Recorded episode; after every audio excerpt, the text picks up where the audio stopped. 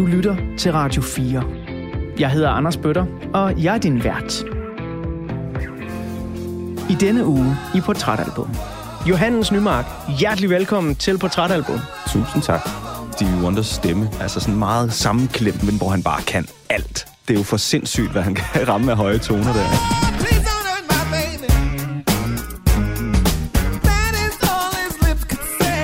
Og så er det jo funket som ind i helvede.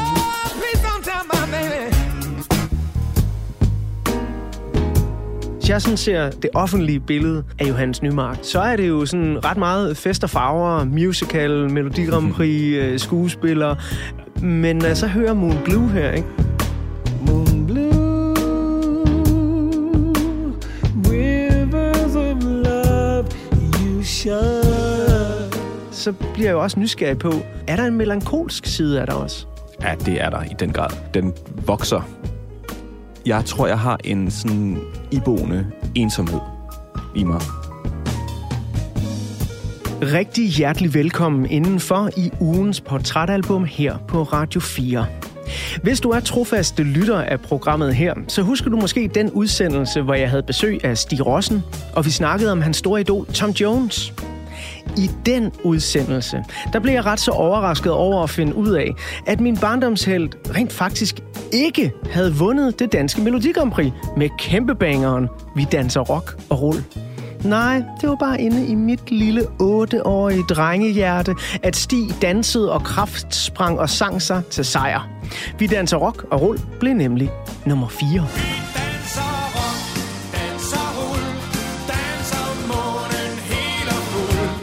Men i den her uges udgave af Portrætalbum, der har jeg så rent faktisk for første gang nogensinde besøg af en vinder af Dansk Melodi Grand Prix.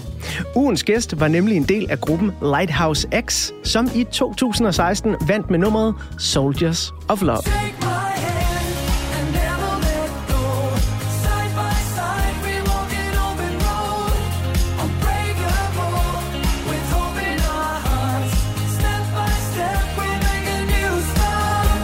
Derudover så kan jeg fortælle, at ugens gæst er en 36-årig ung mand med både teater, sang og dans brusende i blodet. Han har studeret på det Danske Musical Akademi i Fredericia, hvor han i 2012 fik sit store gennembrud i Disneys Aladdin. I 2014 fik han en flot andenplads i Vild med Dans. Senere fulgte musicalroller i klassikere såsom Hairspray og Frøken Nitouche Samt danske film som Hvidstensgruppen, Steppeulven og den nye Flemming Bamse Jørgensen film. Her i 2022, der har han netop offentliggjort, at han kommer til at spille en af de ledende roller i den stort opsatte musical Jersey Boys. Johannes Nymark, hjertelig velkommen til Portrætalbum. Tusind tak.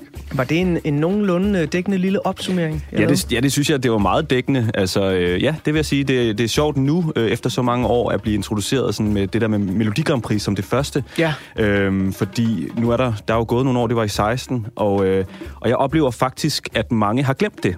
Nå, ja, okay. Og det er ikke, fordi det sådan... Øh, gør mig så meget, eller du ved, det er ikke, det er ikke noget, jeg sådan tænker mere over end det, men, men det er ikke det, folk forbinder mig med. Nej, jamen altså, jeg tror, jeg tog det med også, fordi det er første gang, jeg sådan lægger mærke til dig. Øh, Jeg er ikke sådan den store musical-person, og, og ikke så meget inde i den verden, så jeg tror, det er der, det rammer mig. Men da jeg lavede det her lille potpourri, og jeg sådan var, okay, det er, jo, det er jo faktisk kun cirka 10 år siden, at du fik det her gennembrud med Disneys Aladdin. Ja. Og når jeg ser på, hvor du er den dag i dag, der har godt nok været knald på, hva'?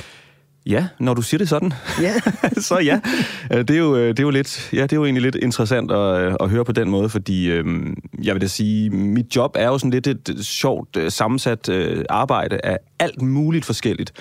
Og øh, nu ligger vi stadig i slipstrømmen af noget coronakrise og også andre kriser, blandt andet en kæmpestor øh, streamingkrise i, i min branche, som har sat rigtig meget arbejde på, på standby. Øhm, og det synes jeg godt, jeg kan mærke sådan mm. på alle mulige måder. Ikke? Så øhm, I øh, de næste to timer cirka, der skal vi øh, tale øh, om musik. Vi skal tale om et Stevie Wonder-album, som du har valgt til at tegne et portræt af dig. Mm. Og øh, mange kender dig jo så nok, ja, netop både som øh, musicalstjerne, skuespiller, øh, deltager, og hvis der, så vidt jeg husker, vært i Dansk Melodi Grand Prix også. ja, efter, øh, efter jeg var med der i 16, var jeg været tre gange tre år i træk. ja. Så, så kommer udsendelsens første, måske umulige spørgsmål nu. Mm. Øh, skuespillet, musikken, hvad fylder mest i dit liv? Ja, det gør skuespillet. Altså, det er det, er det jeg lever af. Øhm, jeg vil sige, musikken har altid været der, siden jeg var lille. Jeg, jeg sang i kirkekor som barn, og øh, begyndte også at synge lidt gospel, og så kom de der bands i folkeskoletiden, og op igennem gymnasiet også øh, sådan øh, røvballebands. Og, øh, og så blev det jo sådan en del af min, min professionelle karriere også, men, men jeg har altid følt, at det var skuespillet. Altså, jeg har altid følt, at jeg spillede roller, og nogle af de roller, de sang så også. Altså, øh, så, så jeg har altid følt det den vej rundt, hvor jeg tror måske, man kunne godt komme ud for, at nogen havde sådan musikken eller sangen som det primære, eller hvad man skal sige. Men, øhm, og så det der med Melodi Grand Prix og, og musik på den måde, det kom også lidt ind som sådan en sjov parentes, altså, som var, en forbind, var i forbindelse med, med noget helt andet, altså, som egentlig var sådan et, et velgørende formål, det startede med, og øh, dermed ikke sagt, at jeg ikke har synes, det har været rigtig sjovt, og, og jeg kan rigtig godt lide musik, og har også øh, skrevet lidt sammen med forskellige, Clara Sofie blandt andet, som en af mine gode veninder, og... Øh, så jeg elsker musik på den måde, men det er klart sådan det der med at, at, at fortælle øh, karakterers historie, altså skuespillet, sådan, det, det, det er det, der er min ting. Det øh, album, som øh, vi skal bruge til at tegne et portræt af dig, øh, Johannes, det er det, der stadig her i 2022 faktisk er det seneste fuldlængde album med Stevie Wonder. Og grunden til, at jeg siger det på den måde, det er jo fordi, at albumet det faktisk er helt tilbage fra 2005. Mm. Og så også fordi Stevie Wonder, han pt. har planer om at udgive to nye albums. What? Øh, ja, så afhængig af, hvornår man lytter til den her udsendelse, så kan det jo være, at der er landet noget nyt fra den her legendariske Ja, musiker. laver en Anne Lindes. Ja, lige præcis. øhm, albummet, som vi skal lære øh, dig bedre at kende igennem, det hedder A Time to Love. Og inden jeg bladrer op på den første side af portrætalbummet, og du får lov til at fortælle, hvorfor det lige er det her album, Ja. så øh, synes jeg, vi skal høre øh, lidt af et helt formidabelt åbningsnummer. Mm-hmm. If Your Love Cannot Be Moved. Hjertelig velkommen til Portrætalbum.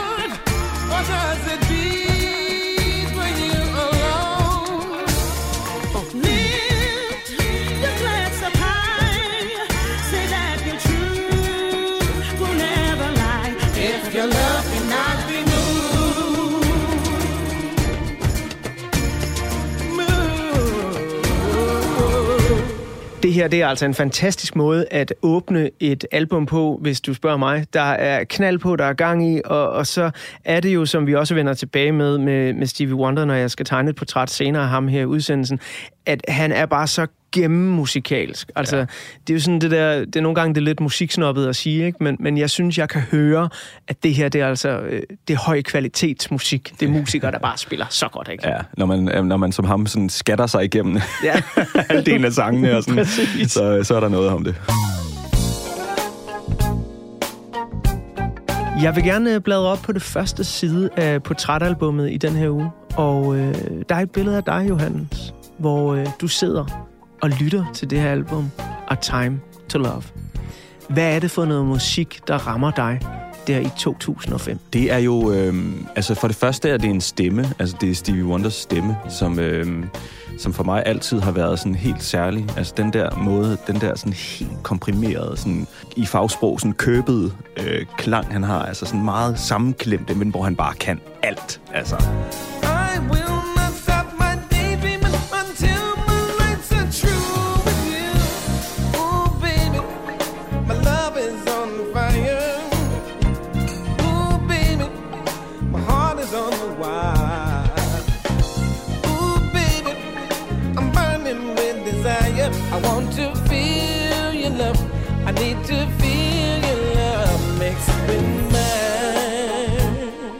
For sindssygt, hvad han kan ramme af høje toner der, ikke? Øhm, det, er jo, det har jo selvfølgelig været fascinerende for mig, som, som også selv har brugt min stemme meget. Og jeg har i øvrigt altid brugt min stemme ret anderledes, vil jeg sige, end Stevie Wonder. Men derfor er det jo godt at, at have sådan et forbillede at kunne, kunne se lidt til, og måske prøve at træne lidt i en anden retning også. Og så var, er det jo funket som ind i helvede. Altså, det er jo, det er jo sådan rytmer øh, brugt på en måde, som jeg ikke havde hørt før, i hvert fald på, på den måde. Og også som jeg heller ikke har hørt Stevie Wonder lave før. Jeg er lidt nysgerrig på, Johannes, fordi Stevie Wonder er jo mange ting, som ja. Du også er inde på her. Ikke? Og jeg har det sådan med Stevie Wonder, at der er noget... Der, er- der er ikke noget af det, jeg ikke kan lide. Nej. Men, men jeg er nok sådan... Og det er jo bare min musik-DNA, der er sådan... Jeg er mere til den funky Stevie Wonder og den øh, social- og borgerrettighedskæmperen Stevie Wonder, mm. end jeg er til ham, som der også er en hel del af, også på den her plade, den fløde, lækre, soulede Stevie Wonder. Ja. Har du noget Stevie Wonder, som du sådan er mere til, eller er det bare hele pakken, du køber? Ej, jeg synes, det er hele pakken. Det vil jeg sige, for jeg elsker også hans fløde side og de store ballader. Og, altså, det må jeg skulle sige, det, det kan jeg godt lide. Øh, Jeg, ja, øh, men, jeg, men jeg tror, at den funkede side forelskede jeg mig i på det her album. Altså, fordi den, jeg synes også, den fylder forholdsvis meget. Ja. nu ved jeg egentlig ikke, hvor meget sådan, øh, nu det har jeg ikke overblik over, hvor mange af sangene, der er op tempo, og hvor mange der er ballader, men, men i min bevidsthed, der, der er det i hvert fald den side, der har fyldt meget. Jamen, jeg vil umiddelbart sige, at, at der er flest øh, funkede sange, og flest sange, hvor der er gang i. Ja. Ja. Der er nogle ballader, men selv nogle af de ballader, der så starter som en ballade, det slutter så også sådan rimelig højt tempo. Ja, ikke? ja. Men nu sidder jeg jo med det her billede af dig i øh, 2005, hvor du sidder og hører den her plade. Ja. Hvis vi skal kigge lidt nærmere på det billede, Ja. hvordan øh, ser Johannes Nymark ud, og hvor er vi henne i verden? Ja, men så sidder vi i New York. Altså, så sidder vi sandsynligvis øh, enten i en subway, øh, den orange linje, nej, den gule linje var det. Eller også går jeg rundt i øh, gaderne i New York og øh, kigger og er øh, blæst bagover. Og er ung og er, jeg er 19 år gammel. Jeg er kronravet, og jeg er lige til den tynde side. og en alt for stor frakke på, og er for første gang hjemmefra, altså øh, ude og stå på egne ben. Er, er du kronravet af modevalg, eller fordi du skal spille en eller anden rolle? Nej, jeg, øh, det er ikke en rolle. Jeg er simpelthen over i New York for at, at, at, at, at gå på skole, så øh, det var... Øh, jeg kan ikke engang huske, hvordan det endte sådan. Jeg tror bare, det var, det var lidt praktisk, og det var... Øh, det var ret dumt, fordi der er sindssygt koldt i New York. så på den måde var det ikke det smarteste i hele verden, men, øh, men det var meget fedt. Jeg har faktisk haft lyst til at, at tage håret af siden dengang. Jeg har Ja. ikke gjort det siden, men jeg har haft lyst mange gange. Okay. Jeg, jeg har, altså, nu har jeg, jeg har jo gennem de, de seneste ja, 10-15 år set mange billeder af dig, set dig på skærmen en del og sådan noget. Jeg kan slet ikke forestille mig, hvordan du ser ud kronravet. det må jeg ærligt indrømme. Nej, jeg har et meget ømt billede hængende hjemme på, hos mine forældre. Øh, Okay. Jeg har lige været på besøg i Jylland, hvor de bor i Morslet. Og øh, der bliver jeg mindet om, hvordan det ser ud. der, er også, der er nemlig billeder lige fra den tid der. Hvis du skulle komme lidt nærmere ind under det her billede af dig selv fra 2005, som mm. øh, vi sidder og kigger på. Hvem var Johannes Nymark så i 2005? Og jeg var, øh, jamen jeg var altså en ung mand, der øh, havde lyst til at erobre hele verden. Øh, og havde haft en drøm om at skulle til, til USA og til New York især. Og, og bo der i virkeligheden. Altså først opleve det, og så sidenhen også øh, klart et, et, et ønske om, et håb om, at jeg skulle altså, bo der, og så simpelthen eje hele New York, ikke? og eje hele verden, og nå alle mine mål. Og selvfølgelig også øh, sådan, der, var, der har klart også været en usikkerhed altså sådan på, hvad, hvad der nu skulle ske. Altså fordi øh, lige da jeg kom til New York og havde, det var, jeg havde min lille MP3-afspiller med der, med sange, som jeg havde fået proppet ind i den hjemmefra, fra min, øh, fra min bærbare computer, tror jeg det var øh, PC. Ja, og det, det er jo i 2005 det her, skal vi lige huske på. Ja. Så, så en MP3-afspiller, det, der, der kan vel næsten ikke have været mere end det Stevie Wonder-album på. Det tror jeg ikke. Jeg tror, det var det. Altså, ja, Wow. Det har været noget i den stil. Det kan godt være, skiftet lidt ud på et tidspunkt. Øhm, det har jeg faktisk altid været ret dårligt til. Altså, når der først er noget, og det fungerer. Jeg havde sådan en mini-disk-afspiller på et tidspunkt. Det var også, øh, det, var også det samme, der kørte igen og igen. Ja. Jeg, måske, det, det kan godt være, at det faktisk kun har været den plade, jeg simpelthen har haft i det år, jeg var derovre. Wow. Nej, det håber jeg ikke. Nå, det kan jeg ikke huske. Men øhm, Men Johannes, altså, altså alle de her, som, som man jo har, øh, inden man rammer 20'erne, og nok også for mange vedkommende et godt stykke op i 20'erne, mm. den her dejligt øh, famlende, usikre tid, hvor man har en masse håb og drømme. Og sådan, var der noget af det, du så nåede at opfylde i det år her i New York? Altså, hvad, hvad tog du med dig? Altså jeg vil sige, jeg var egentlig ikke særlig famlende i forhold til, hvad jeg gerne ville i mit liv. Øhm, fordi det, har jeg, det vidste jeg egentlig ret tidligt. Jeg tror, at første gang jeg stod på en øh, teaterscene, det var som 12-årig. Og øhm, det var på Aarhus Teater. Og fra dag af, dag af, tror jeg egentlig, jeg havde en klar idé om, at det var sådan noget i den retning, jeg gerne ville. Øh, og vidste også sådan øh, tidligt, altså jeg tror allerede sådan slutningen af folkeskoletiden, og jeg ser også op igennem gymnasiet, sådan at hvad jeg skulle efter. Altså jeg skulle lige tjene lidt penge, og så skulle jeg afsted øhm, og bruge nogle af de penge, jeg havde sparet op ved at lave teater som barn, på at, at, at tage til New York. Øh, og så derfra, altså, så vidste jeg selvfølgelig ikke, hvordan vejen ville komme til at gå, men jeg vidste, at det var, det var altså, med høje ambitioner, ikke? Din tid der i New York, øh, det, det lyder jo også meget som, når du sidder med din MP3-afspiller i Subwayen. er, er du helt alene, eller er du sammen med nogle venner, eller får du nogle nye venner, øh, der hvor du øh, læser, eller... Jamen, det var det, der var lidt vildt. Altså, når jeg tænker tilbage på den oplevelse, så... Øh, altså, jeg nævner den altid, når jeg sådan... Og, og, også bare for mig selv, når jeg tænker tilbage på mit liv, og hvad der ligesom har haft stor betydning for mig, for jeg var helt alene. Altså, jeg, tog, øh, jeg købte en billet, altså, så vidste jeg, hvor jeg skulle gå i skole. Men jeg valgte så også at tage afsted øh, nogle uger, inden jeg skulle starte, fordi jeg tænkte, jeg skal lige falde, altså falde lidt på plads og lige mærke byen. Jeg havde aldrig været i USA før. Øhm, men da jeg sad i, i flyvemaskinen der og lettede fra Kastrup, og altså boede jo hos mine forældre i Lille Morslet med 4.500 indbyggere, der var det, øhm, altså der havde min mor jo vasket mit tøj og lavet mad til mig, og altså, Wow. så det var, det var der, det skete. Og det gik op for mig, da jeg sad i flyvemaskinen øh, på vej. At, Sejt. altså, min mor havde heldigvis lavet sådan en lille vaske... Øh, øh, pamflet, skulle til at kalde en lille guide til, hvordan, hvordan jeg skulle vaske mit tøj. Men øh, der var jo ikke andet end en Skype-forbindelse. Det er fandme ret modigt gjort. Jamen, det tænkte jeg jo ikke på på det tidspunkt, men Nej. Får kuldegysninger, når jeg siger det nu. Ja, jeg kan godt det var se det. fucking modigt. Jeg ved ikke, hvor det kom fra. Men øh, det var... Øh, det, er, det er jeg sgu også ret stolt over, faktisk, mm. at, jeg, at jeg gjorde. Jeg, mm, det gjorde jeg nok også, fordi jeg ikke nåede at tænke så meget over det. Men jeg gjorde det bare. Og Det, det, ved du hvad, det skal man virkelig også nogle gange gøre. Nogle Ja. gange så skal man simpelthen bare gøre det. Ikke? Ja. Vi øh, skal lige høre resten af det fantastiske åbningsnummer på den plade, du har valgt til at tegne portræt af dig, Stevie Wonders A Time to Love. Her der kommer det sidste af If Your Love Cannot Be Moved. If your love cannot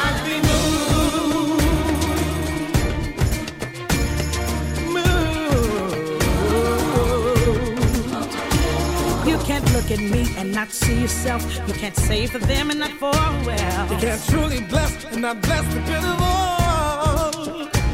You can't serve the rich and desert the poor. You can't hear the cries and just close your door. You can't say you're down and not take it to the wall.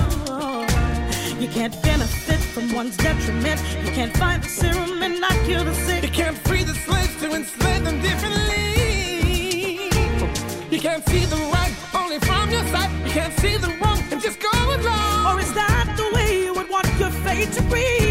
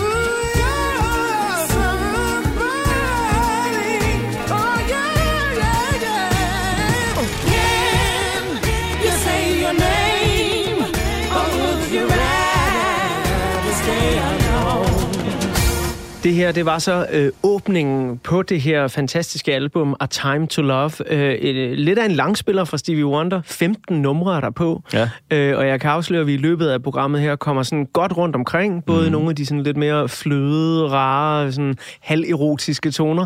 Ja. Øh, og så de øh, optempo øh, funky ting. Øh, nu snakkede vi jo om, at du er i New York i 2005, hvor øh, du hører det her album, øh, og det udkommer ja i 2005 også. Mm. På det her tidspunkt i dit liv, som 19-årig på vej ind i 20'erne, øh, er øh, ny musik vigtig for dig der? Nej, Nej. det er det faktisk ikke. Øhm, det tror jeg faktisk aldrig, det rigtigt har været. Altså, jeg har ikke øh, jeg har nogensinde været ham, der stod nede i... Øh, hvad var det, de hed? Øh, CD-butikkerne. Stereostudio. TP og. Ja, lige præcis. ja. Øh, og ventede på, at den sidste nye plade fra en given kunstner kom ud. Øhm, musik har altid været en lille smule tilfældigt for mig, faktisk. Øh, men dermed ikke haft øh, altså mindre betydning af den grund. Det, det har jo altid fyldt enormt meget, og jeg har fået rigtig meget ud af musik.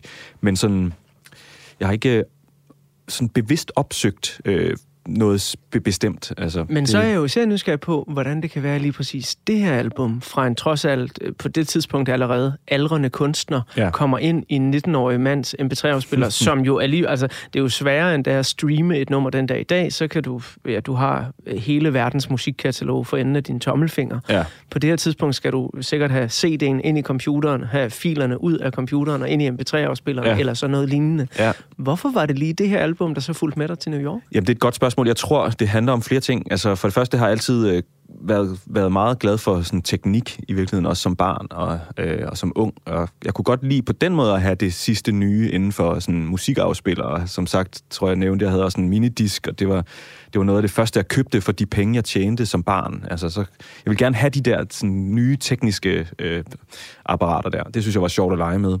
Øhm, og så... Øh, og så, altså, så havde jeg jo en CD-afspiller selvfølgelig også, og CD-tårn, eller hvad man kaldte det, det der. Øhm, og så tror jeg bare simpelthen, at jeg har haft sådan en idé om, at jeg jo godt kunne- kunne lide musik, og så har jeg ønsket mig CD'er. Altså, og så har jeg vidst, okay, jeg har hørt noget, jeg godt kunne lide af Stevie Wonder. Øhm, nogle af de gamle Lately og de gode gamle sange der, ikke? Lately I have had the strangest feeling with no vivid reason. Og så, øh, og så har jeg bare sagt til mine forældre, jeg ønsker mig at skulle hans... Øh, jeg ved, han lige har lavet en ny plade. Jeg ønsker mig den. Fantastisk. Uden mere omtanke end det. Vi øh, skal høre et nummer lige om lidt, som øh, jeg sætter på, inden jeg vil tegne et lille portræt af året 2005, så vi begge to øh, og alle lytterne, der lytter med, kan blive lidt klogere på, hvad det egentlig er for et år, at Ja. du er i New York i. Mm. Øhm, men inden da, så skal vi høre noget med Moon Blue, som er et af dem, du nævnte for mig. Og det er jo et af dem, der sådan er noget langsommere Ja. i det. Jeg, jeg vil ikke sige, det er helt over i fløde, men... Nej, det er sådan lidt... Øh, Og så er det et af dem, hvor Steve Wonder, han synger helt fantastisk. Ja. Altså, det er sådan, wow. Øh, der er en vildt fed tekst også, som jeg faldt over. Øh, altså, prøv lige at høre den her kærlighedstekst. Mm. Cause I'm not afraid of the, the consequence of being in love with you. And I'd rather be alone some nights awaiting your full hue. For though the sun makes bright the day, my world is dark when there's no you. You light my skies and make dark night bright day, moon blue. ja, Wow, ja, ikke? F, det er godt skrevet, altså. Ja. Når du hører musik, Johannes, øhm, er tekst vigtig for dig, eller er det musikken, der kommer først? det har ændret sig. Altså, dengang, der, tror jeg ikke, jeg har lyttet til meget af teksten, for at være helt ærlig. Øh, jeg, nu efter jeg øh, fandt ud af, at jeg skulle herind og snakke med dig, så har jeg også hørt nogle af sangene igen. Og øh, der må jeg indrømme, der er nogle af dem, der har overrasket mig lidt. Der er, der er en sang, der handler om utroskab. Altså, det havde jeg sgu ikke øh, opdaget dengang, at det var det, den handlede om. Perfect fit. Woman fights on that she just gotta get away.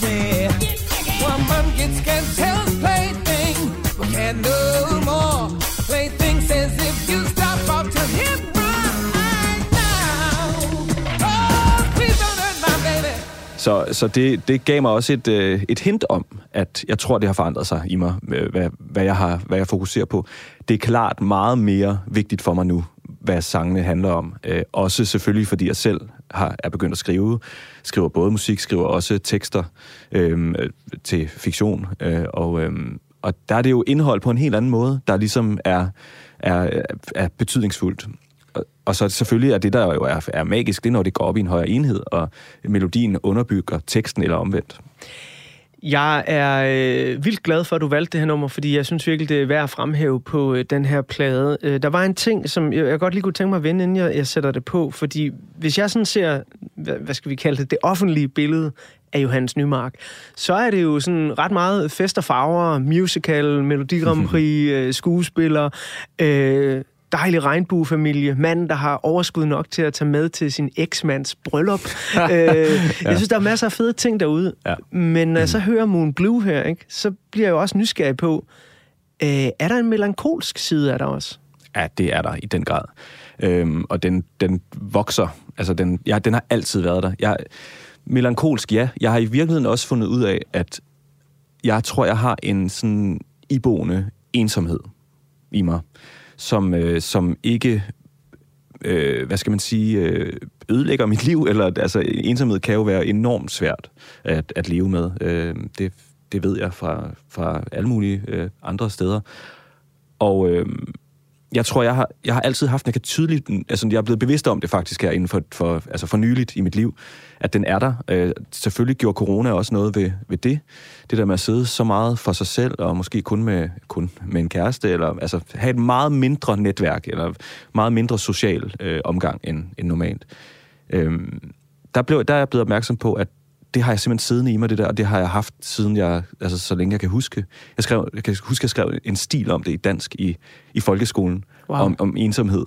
Wow. øhm, jeg kan, ja, altså, jeg kan huske, sådan, hvordan det opstod, og noget med, at jeg simpelthen en dag stillede mig ud i regnen øh, alene, og bare altså, følte mig som den eneste i hele verden. Ikke? Øhm, og så er, det, så er den jo ofte pakket væk, og øh, en del af en større pakke heldigvis, men den er derinde, altså det er den, og, og den kan jeg jo bruge i mit, mit job, som, som ja, både som udøvende kunstner, men også som skabende kunstner. Altså der er det jo i den grad sådan en, en motor eller benzin på. Jeg er rigtig nysgerrig på, Johannes, øh, da du flytter til New York der, om, om du får en oplevelse, som, som jeg i hvert fald har haft før. De gange, jeg føler mig ensom mm. i mit liv, der hvor det rammer mig hårdest, det er det, som, som på engelsk vil hedde alone in a crowd. Øh, jeg husker meget tydeligt både fra ophold på efterskoler, øh, kostskoler, øh, hvor jeg nu har været i sådan nogle større sammenhæng, hvor jeg egentlig havde masser af venner, og jeg havde et fint socialt netværk.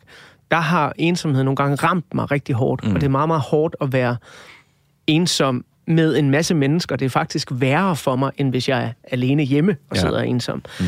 Da du går rundt i New York som 19-årig og, og høre det nummer, vi skal til at høre nu, øh, ramte ensomheden der også der? Ja, det tror jeg, at den- gjorde. Altså, det, øh, sådan husker jeg det. Især de der uger, inden jeg startede på, øh, på skolen, hvor jeg var alene. Altså, hvor jeg gik rundt for mig selv.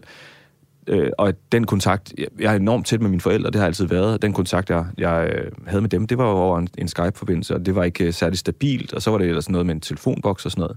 Øhm, så jeg, der var jeg alene, og så tror jeg, jeg gjorde det, som jeg så, og det går måske først op for mig nu i virkeligheden, øh, jeg tror, min vej i det er så at opsøge de festlige sammenhænge, op, opsøge øh, det sociale, skabe sammenhænge, som er festlige og som er sociale. Øh, være den, der ligesom hiver fat i folk, ikke? og siger, skal vi ikke lave noget? Og, sådan. og det er da sikkert nu, når jeg tænker over det, så er det da, det er da en vej ud af det. Altså, øh, men, men man kan jo nok ikke nogensinde komme helt udenom det, og det ved jeg heller ikke, om jeg har lyst til.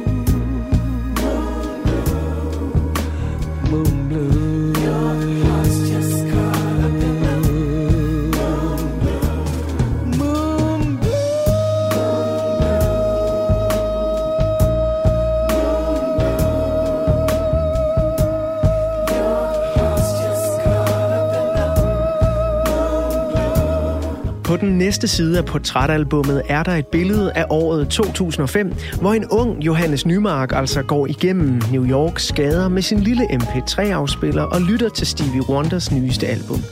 Så læn dig tilbage, imens jeg beskriver billedet af 2005 for dig.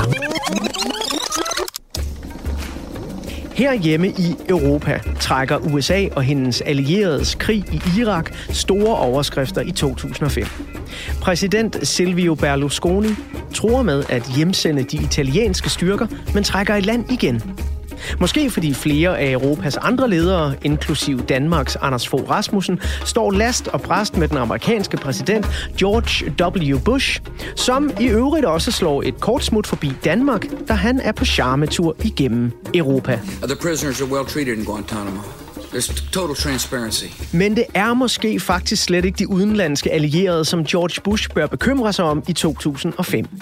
Hjemme i USA er der nemlig mere og mere troværdige forlydende om, at Irak-krigen, der i øvrigt føres uden et FN-mandat, blev startet på et falsk grundlag, og at den irakiske leder Saddam Hussein slet ikke havde masseødelæggelsesvåben. Og den nyhed gør George Bush mere og mere upopulær rundt omkring i landet. The main reason we went into Iraq at the time was we thought he had weapons of mass destruction. It turns out he didn't. Det er dog en anden og langt mere jordnær katastrofe, som for alvor får mange amerikanere til at miste tålmodigheden med deres præsident. I august 2005 rammes millionbyen New Orleans af orkanen Katrina, som forårsager ødelæggelser for over 125 milliarder dollar, dræber 1.800 amerikanere og oversvømmer 80 procent af byen.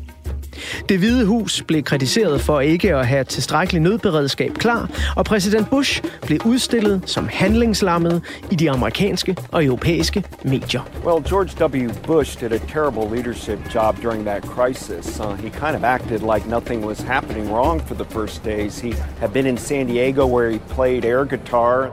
Det er dog ikke kun i Irak og USA, at voldsomme begivenheder er med til at præge nyhedsoverskrifterne i 2005. Den 7. juli rammes London af en række voldsomme terrorangreb.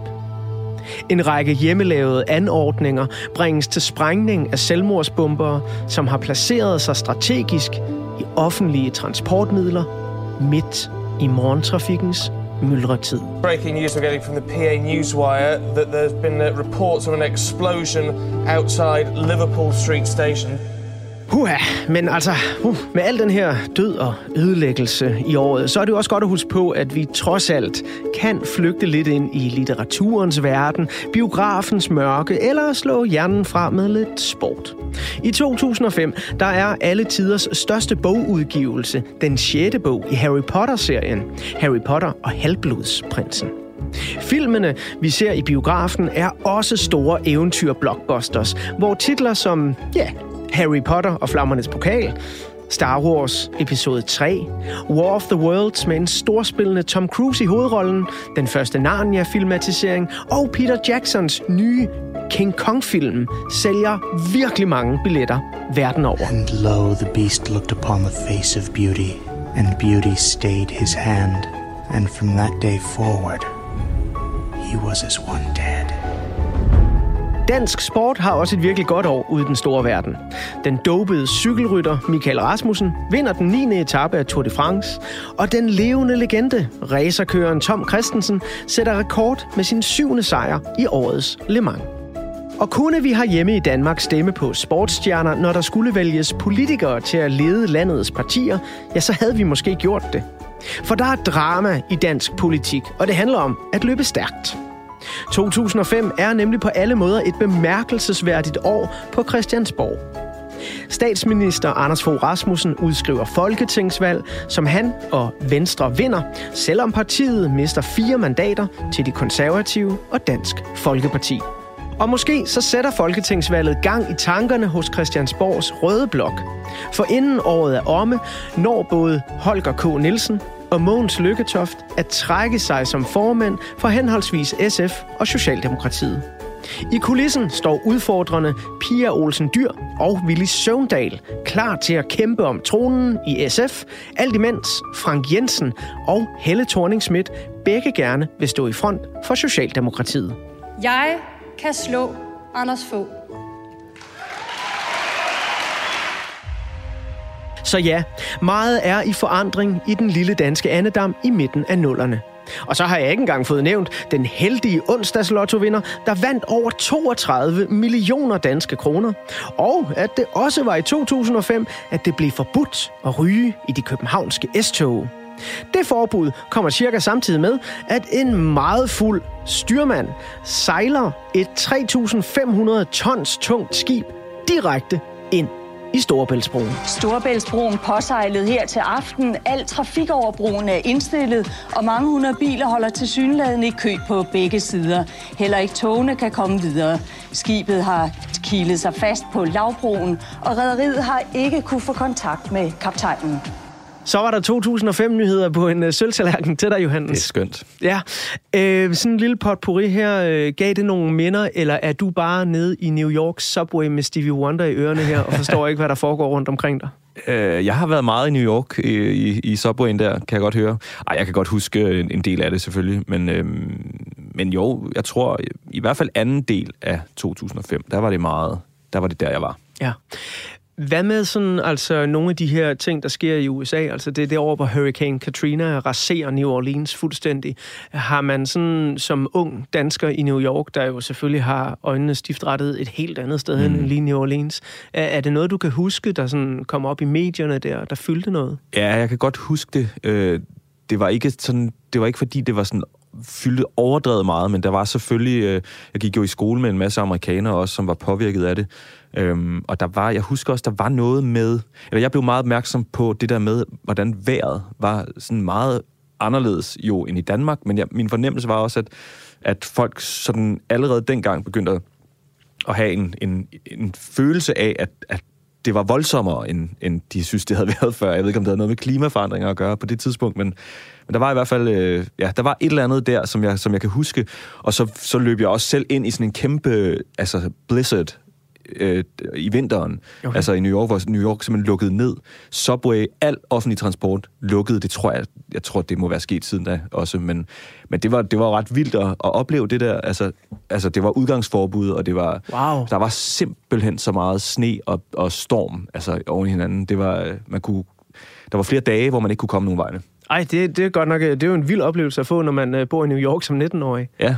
Men jeg er lidt nysgerrig på sådan, øh, nu øh, fortalte du, at, at selvfølgelig du har jo øh, dit øh, blik stift rettet mod øh, skuespillet, og du har musikken i ørerne, og der var også en lille teknikinteresse for sådan de nyeste afspillere og sådan noget. Men hvad har du ellers antennerne ude efter i de år, hvor du sådan er på vej ind i 20'erne? Altså er der nogle interesser, som går ud over øh, skuespillet, musikken, altså noget, du nørder rundt med? Øh, det, er et, det er jo et godt spørgsmål for sådan en, som, øh, som har gjort sin hobby til, til en levevej. Ja, præcis. Øh, men øh, tennis har altid været øh, sådan den sportsgren, jeg har, har været mest interesseret i, og spillet rigtig meget som barn. Øh, både med min far, som fik mig i gang med det, øh, og så senere også med, med øh, Anders fra folkeskolen, og Christian, og der var, der var et par stykker af os, der sådan synes, det var øh, sjovt at spille tennis. Så det gjorde jeg, og det har jeg også prøvet sådan at, at komme lidt i gang med, fordi jeg netop også har fået den der følelse af, at øh, jeg kunne godt tænke mig en fritidsinteresse, som ikke er mit job. Mm. Øh, og der har tennis været noget af det. Og så er sådan afarter af tennis, ikke? Øh, Squash og badminton, der er nok nogen, der bliver sur over, jeg kalder det en afart af tennis. Men catchersport i hvert fald, lad os kalde det. Ja, Øhm, slagboldsport. Ja, der, øh, ja det, det, det har jeg sådan forsøgt nogle gange. Altså, så har jeg fået børn, og så er alt umuligt. Men, Ja. men før det, der har jeg prøvet ligesom at, at, at holde lidt fast i det. nu vi så er i den her tid, nu nævnte du så selv lige, Emma, altså det var i skolen, at øh, du spillede med nogen, øh, og øh, at, tennisen måske går hen og bliver vigtig. Jeg kunne godt tænke mig måske lige at bladre lidt tilbage mm. I øh, portrætalbummet, og så finde et billede frem øh, af dit barndomshjem, hvor der jo helt sikkert bliver sået nogle frø, der gør, at du ender i New York øh, i 2005 som 19-årig. Mm. Hvis vi tager et billede af dig i dit barndomshjem, ja. hvordan ser det ud? Hvad er det for et sted? Jeg har to barndomshjem, som, som, jeg sådan, som står klart for mig. Det, det, det første er, er der, hvor jeg boede med mine forældre, øh, indtil jeg var 10, tror jeg, som var øh, på Nymarksvej i Morslet. Sjovt nok. Jeg troede jo, altså, at Det var alting handlede om, ja, Ja. alting handlede om os, eller mig. Så, øh, men det, var, det, det hed den tilfældigvis. Okay. Og det var, i sådan et, øh, det var sådan et bofællesskab, altså, øh, hvor der, man boede i sådan nogle små, lidt rækkeagtige huse, der var sådan nogle gårde, øh, hvor der var, jeg tror, der var en otte øh, små huse i hver gård, og så var der fællesspisning i fælleshuset, og øh, helt øh, uden trafik. Øh, man, altså, man kunne bare gå ud og lege, selv små børn, og et kæmpe fællesskab der, ikke? Og det var jo, det var jo fedt som barn at, at have alle legekammeraterne lige uden for døren, og, og have trygheden i sine forældre, som turde og lære os gå ud og, og bare være der og være børn og stå på rulleskøjter. Altså, det var fedt. Det var, en, det var, en, det var rigtig sjovt. Og så flyttede vi på et tidspunkt øh, stadig til samme by, øh, bare lidt tættere på skolen og sådan, i et, øh, et større hus og sådan. Så ikke et, et bofællesskab? på Nej, den måde. det var så bare en villa, øh, hvor mine forældre jo et stadig bor, som jeg så besøger nu jo, som voksen.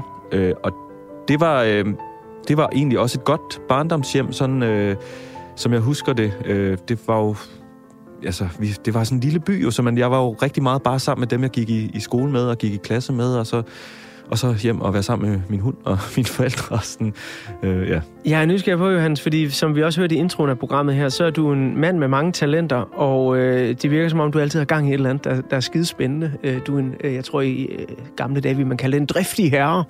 Ja. øh, som barn, havde du der sådan noget, øh, ja, det hedder jo ikke studenterjobs, det hedder heller ikke børnearbejde, men altså, øh, hvad, hvad er sådan det første gang, at Johannes Nymark han er ude at tjene sine egne lommepenge? Jamen, det var meget tidligt. Altså, øh, eller meget tidligt. Det, jeg tror, det startede nok allerede... Eller det startede som 12-årig, da, jeg begyndte at lave teater.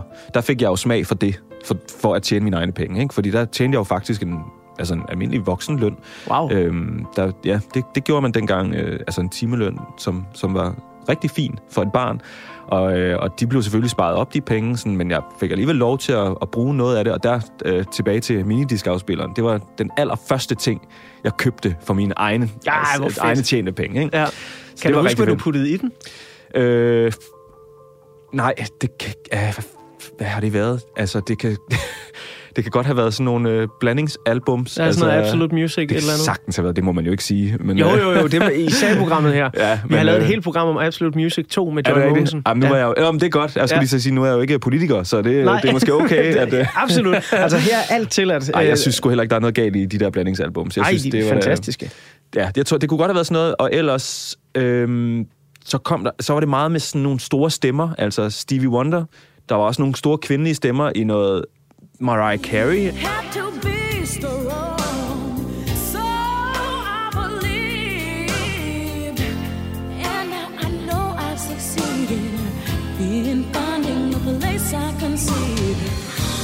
Og så på et tidspunkt, så gik det over i sådan det der pop... Øh, altså Spice Girls mm. elskede jeg, da jeg var, da jeg var barn, ikke?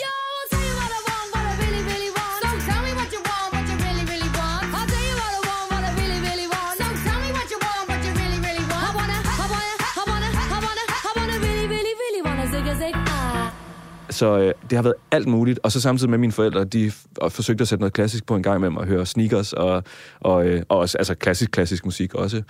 Og jeg vil sige, til det der med sådan det, det nemme hjem og sådan det, har, det, det er ikke bare... Nu, det kommer til at lyde som om, at det har bare, det, alt har bare været nemt og let. Og sådan.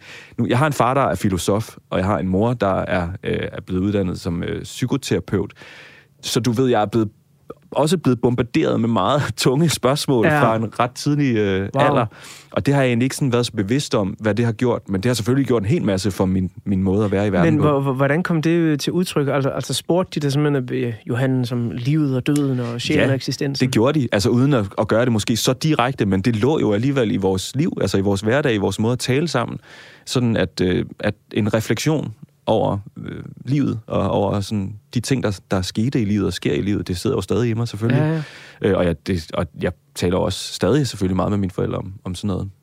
Wow, det, det lyder som øh, et, et både dejligt, men, men også sådan øh, øh, komplekst på den gode måde. Øh, barndomshjem, hvor, hvor der virkelig også øh, kan være højt til loftet nogle gange.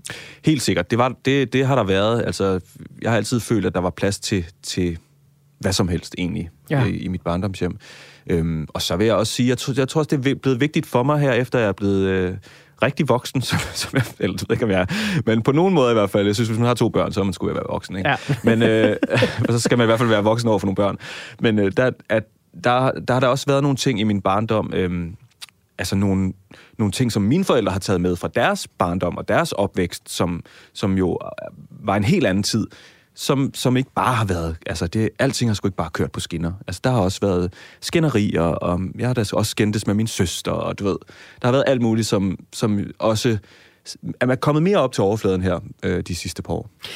Når du så selv øh, er, er blevet far, øh, er der så noget, du tænker tilbage på, netop i bagklogskabens lys, hvor du sådan tænker, det her, det vil jeg tage med mig, for der var min morfar fandme god, eller omvendt, hvor du sådan tænker... Begge dele, helt sikkert. Okay. Og det er også noget, jeg vil sige, jeg har et rigtig godt forhold til hele min familie. Altså både min mor, min far og min søster, og altså dem alle sammen.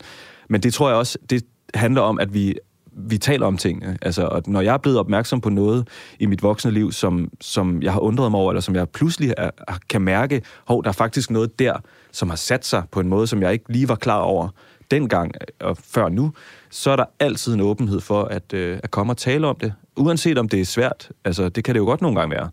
Og det er jeg enormt taknemmelig for. Altså, og det tager jeg med videre til mine børn. Og så tror jeg også, at jeg tager med, altså forhåbentlig lærer det så også, og det er jeg ret sikker på, at det gør, de ting, jeg så måske, altså tænker, det kunne jeg godt have været for uden i min opvækst, så skærmer jeg mine børn for det. Mm. Johannes, øh, vi skal snart øh, klappe portrætalbummet sammen for den her første del af ugens udsendelse. Men øh, inden jeg klapper det sammen, og så åbner det igen i del 2 af portrætalbum, så øh, skal vi lige høre halvdelen af et helt fantastisk nummer, som faktisk er det sidste på pladen, men er titelnummeret. Mm-hmm. Et nummer, som du fremhævede, A Time to Love, det var bare sådan et af dem, du lige havde på ryggraden. Et nummer, øh, hvor Stevie Wonder er sammen med, med India Arie, øh, som synger, øh, og så er der en, øh, en eller anden gut i baggrunden, der hedder Paul McCartney, der spiller på lidt guitar. Nå, ja, okay. Ja. øhm, og det er sådan et skønt 10 minutters langt nummer, ja. så jeg cutter det lige over i to. Øh, en halvdel her i slutningen af første del, og så den anden halvdel i del to af portrætalbum. Men hvorfor tror du, det, det sådan lige var det nummer? Fordi det stikker lidt ud. Det, det er til allersidst på pladen, og det er ja, som sagt 10 minutter langt. Hvorfor er det et af de vigtige? Jamen, jeg, jeg tror, altså hvis, du, hvis man tænker over det, jeg har hørt det der album på repeat, så har jeg jo, altså ret beset hørt det nummer væsentligt mere end de andre, fordi det er så langt. Ikke? Ja, så, det er jo rigtigt. så det kan være, at det simpelthen bare har sat sig bedre fast af den Wow. grund. Øhm, men øh, jamen, jeg, jeg, jeg tror ikke, der er nogen særlig grund til, at jeg husker det andet, end at jeg altså, bare kan huske, at jeg har gået og sunget med på det i gaderne i New York. Det er også et fantastisk dejligt nummer, som øh, I får lige her.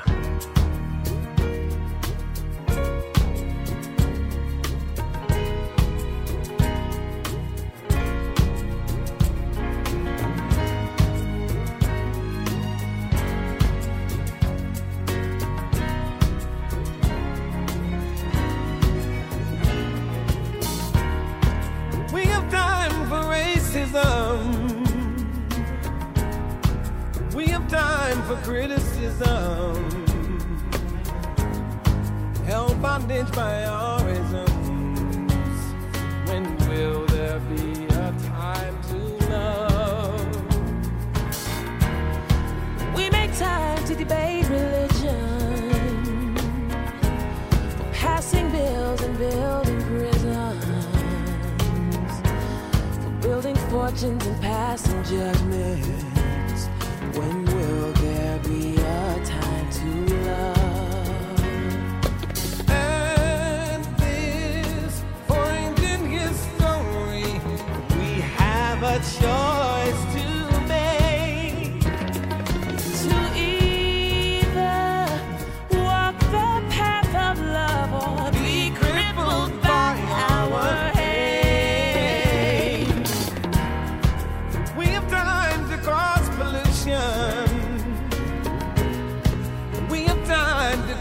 Confusion. All wrapped up in our own illusions. Time to love? We have time to condemnation, time for oil excavation, hatred, violence, and terrorism. When will there be a time to love? At this moment in time,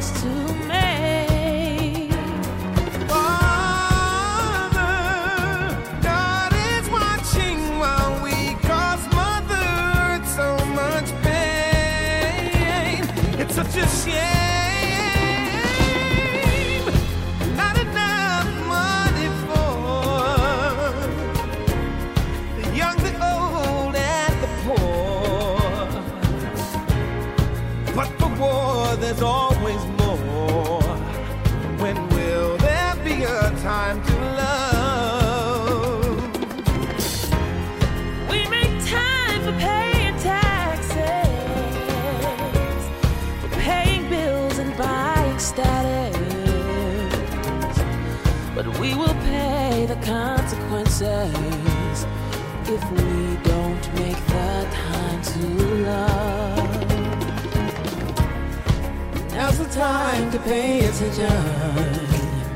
Yes, now is the time to